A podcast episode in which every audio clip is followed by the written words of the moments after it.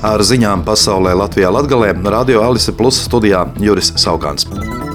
Čehijas valdība organizējusi valstu sanāksmi, lai kopīgiem spēkiem cīnītos pret Eiropas komisijas piedāvājumu Euro 7 automobīļu izmešu standartiem, vēstīja laikraksts Hospodārske Novīni. Čehijas valdība uzskata, ka ierosinājums attiecībā uz Euro 7 standartiem ir nesamērīgi bargs un rada riskus Eiropas autoražošanas nozarei. Čehija pagājušajā nedēļā uzaicināja vairāku valstu pārstāvjus, lai tiktos Briselē un apspriestu viņu nostāju. Sanāksmē piedalījās desmit valstis, tajā skaitā Francija, Vācija, Slovākija, Polija un Itālija. Hospodārska no Vīna rīcībā nonākusi informācija liecina, ka valstis bijušas vienisprātis, ka Eiropas komisijas piedāvājums ir pārspīlēts, īpaši attiecībā uz jauno izmešu standartu ieviešanas termiņiem. Vācijai nepieciešams aktīvāk apkarot nelegālo imigrāciju, paziņoja finanšu ministrs Kristiāns Lindners, kas pārstāv liberālo brīvo demokrātu partiju.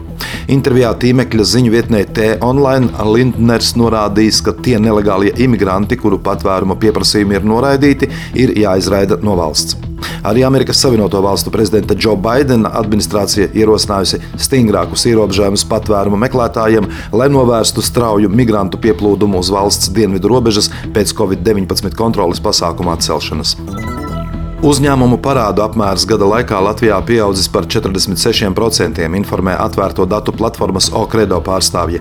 Kompānijā norāda, ka šā gada sākumā nodokļu parādi un pašu uzņēmumu atsevišķos gadījumos deklarētās parādu saistības reģistrētas kopumā vairāk nekā 51 600 juridisko personu, kas ir par 15,9% vairāk nekā attiecīgajā periodā pirms gada.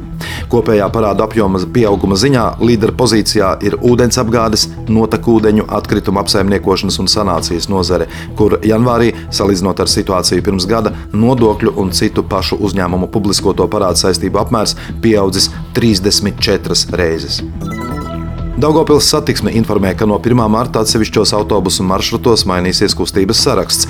Reisu nerentabluma dēļ no šā gada 1. marta tiek atcelti 9. autobusa maršruta izbraukšana brīvdienās no autostas 17.50 un attiecīgi no gala pieturas ķiršu iela 18.5 minūtēs, kā arī 16. autobusa maršruta izbraukšana brīvdienās no autostas 16.40 un attiecīgi no pieturas Dīķu iela 16.55. Sākoties no 1. marta 17. A autobusa pastāvīgajā maršrutu tīklā tiks iekļauts reiss, kas no autostas izbrauc 7.46 un attiecīgi no gala pieturas Aveņu iela dodas 8.06.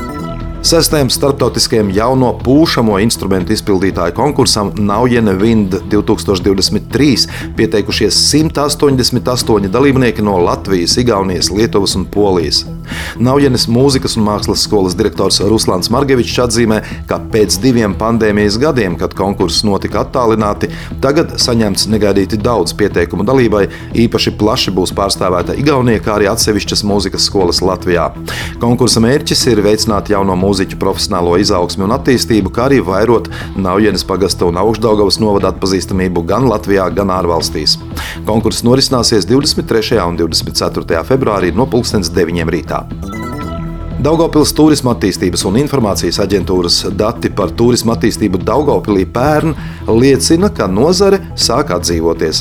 Pagājušajā gadā Daugopils kultūras aktīvās atpūtas un turisma objektos reģistrētas vairāk nekā pusmiljons apmeklējumu reizes.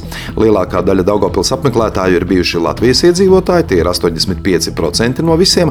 Savukārt no ārzemniekiem visvairāk bijis Lietuvas 41%, Ukrainas ar 15%, apvienotās karalistes ar 9, Polijas ar 8, Vācijas ar 4 un Igaunijas arī ar 4% turistu. Apmeklētākais objekts Daugopilī ir Marka Rotko mākslas centrs, daudz neatpaliek Daugopils cietoksnis, Latgales zoodārs uzņēma vairāk par 50 tūkstošiem viesu, Novad pētniecības un mākslas muzejs gandrīz 30 tūkstošus, bet Šmakovkas muzejs gandrīz 20 tūkstošus klientu. Ziņu apskatu pasaulē Latvijā Latvijā veidoja Radio Alise Plus informācijas un ziņu dienests ar Sabiedrības integrācijas fonda atbalstu. Radio Alise Plus studijā bija Juris Saukāns.